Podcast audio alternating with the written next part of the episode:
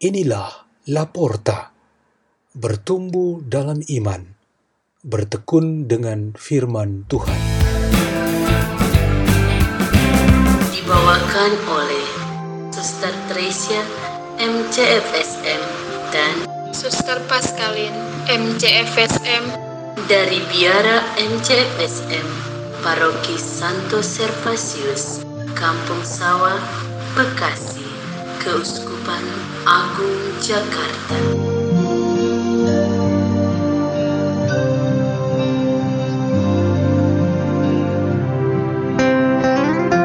Bacaan dan Renungan Sabda Tuhan Hari Selasa Pekan keempat Prapaskah 16 Maret 2021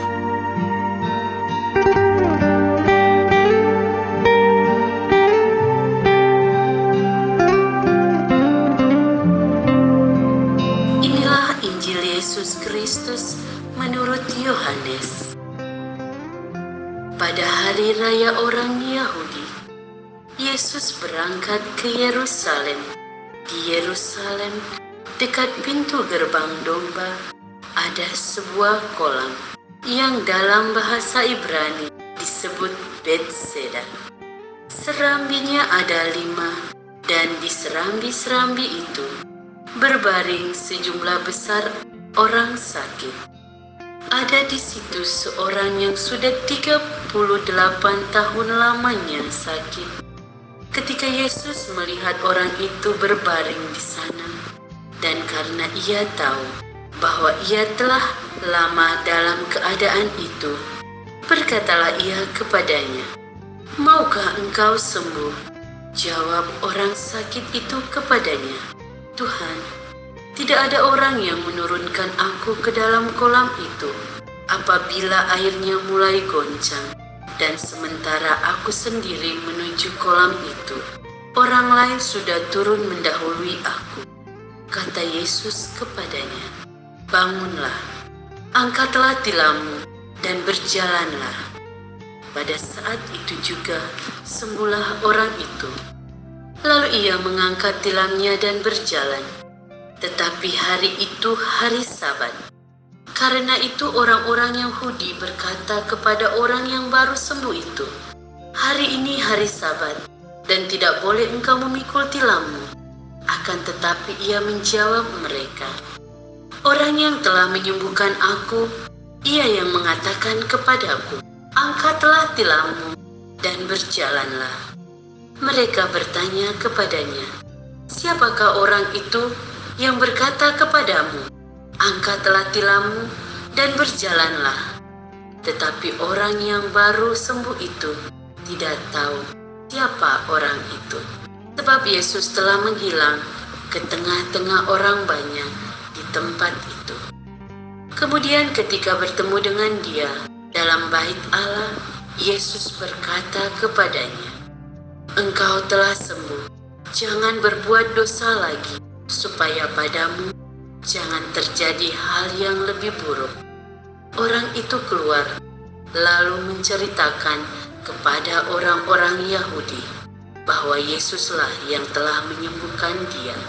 Dan karena itu orang-orang Yahudi berusaha menganiaya Yesus karena ia melakukan hal-hal itu pada hari Sabat.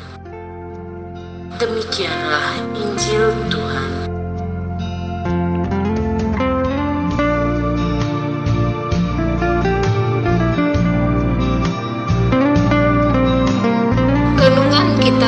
Hari ini bertema air keselamatan. Ada satu desa yang selalu mengalami kekeringan pada musim kemarau. Persediaan air untuk masyarakat berkurang bahkan habis. Kehidupan masyarakat menjadi sulit.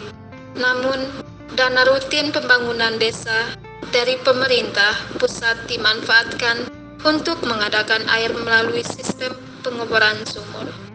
Hal itu sangat menguntungkan.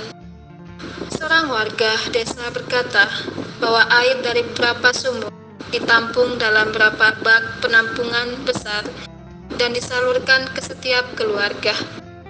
Bagi mereka ini adalah sebuah wujud air keselamatan bagi seluruh masyarakat.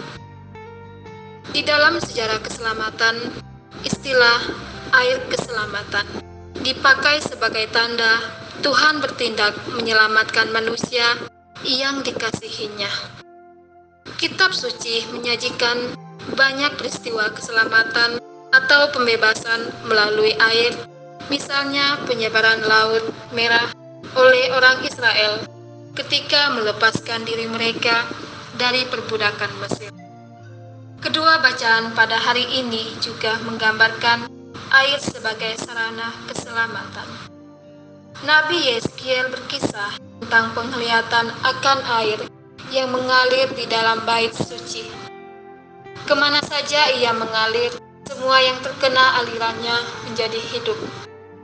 Ini menyeratkan bahwa kita tidak ada atau belum tersentuh air. Kehidupan yang ada di sana mengalami kesulitan atau bahkan kematian. Di kolam Bethesda, airnya sangat instrumental untuk kesembuhan orang-orang sakit. Mereka bergegas mendekat dan disentuh air yang mengguncang. Mereka akan sembuh. Dari kedua gambaran peristiwa ini, kita melihat bahwa air sebagai instrumen keselamatan. Tuhan yang tidak kelihatan bertindak menolong umatnya melalui air tersebut. Di kolam Bethesda, Tuhan yang tersembunyi itu membuka dirinya. Orang sakit yang sudah menderita selama 38 tahun itu disentuh langsung oleh Tuhan yang sebenarnya hadir dalam berkuasa di balik air tersebut ia sembuh seketika.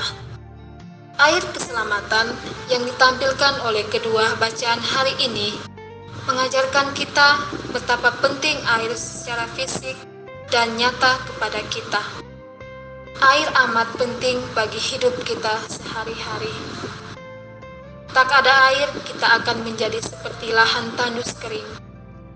Pesan yang sangat penting bagi kita ialah air dari alam dan tanah kita adalah representasi Tuhan sendiri yang menolong kita.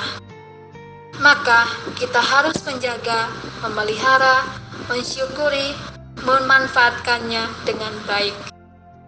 Air dalam sakramen baptis dan sebagai unsur sakramental dalam penghayatan iman kita tampak sebagai air bersih dan sehat yang dikhususkan untuk pelayanan rohani di dalam gereja. Makna di balik air pilihan inilah ialah Tuhan sendiri yang bekerja melalui pelayan-pelayannya untuk menyelamatkan, menyembuhkan, dan menguduskan umatnya. Kita tidak boleh mempermainkan air suci ini. Marilah berdoa dalam nama Bapa dan Putra dan Roh Kudus. Ya Tuhan, Maha Murah, jadikanlah kami sebagai air yang memberikan kesegaran dan kehidupan baru, terutama kehidupan yang kurang bersemangat dan kering. Kemuliaan kepada Bapa dan Putra dan Roh Kudus, seperti pada permulaan, sekarang, selalu, dan sepanjang segala abad. Amin. Amin. Dalam nama Bapa dan Putra dan Roh Kudus. Amin. La porta, la porta, la porta.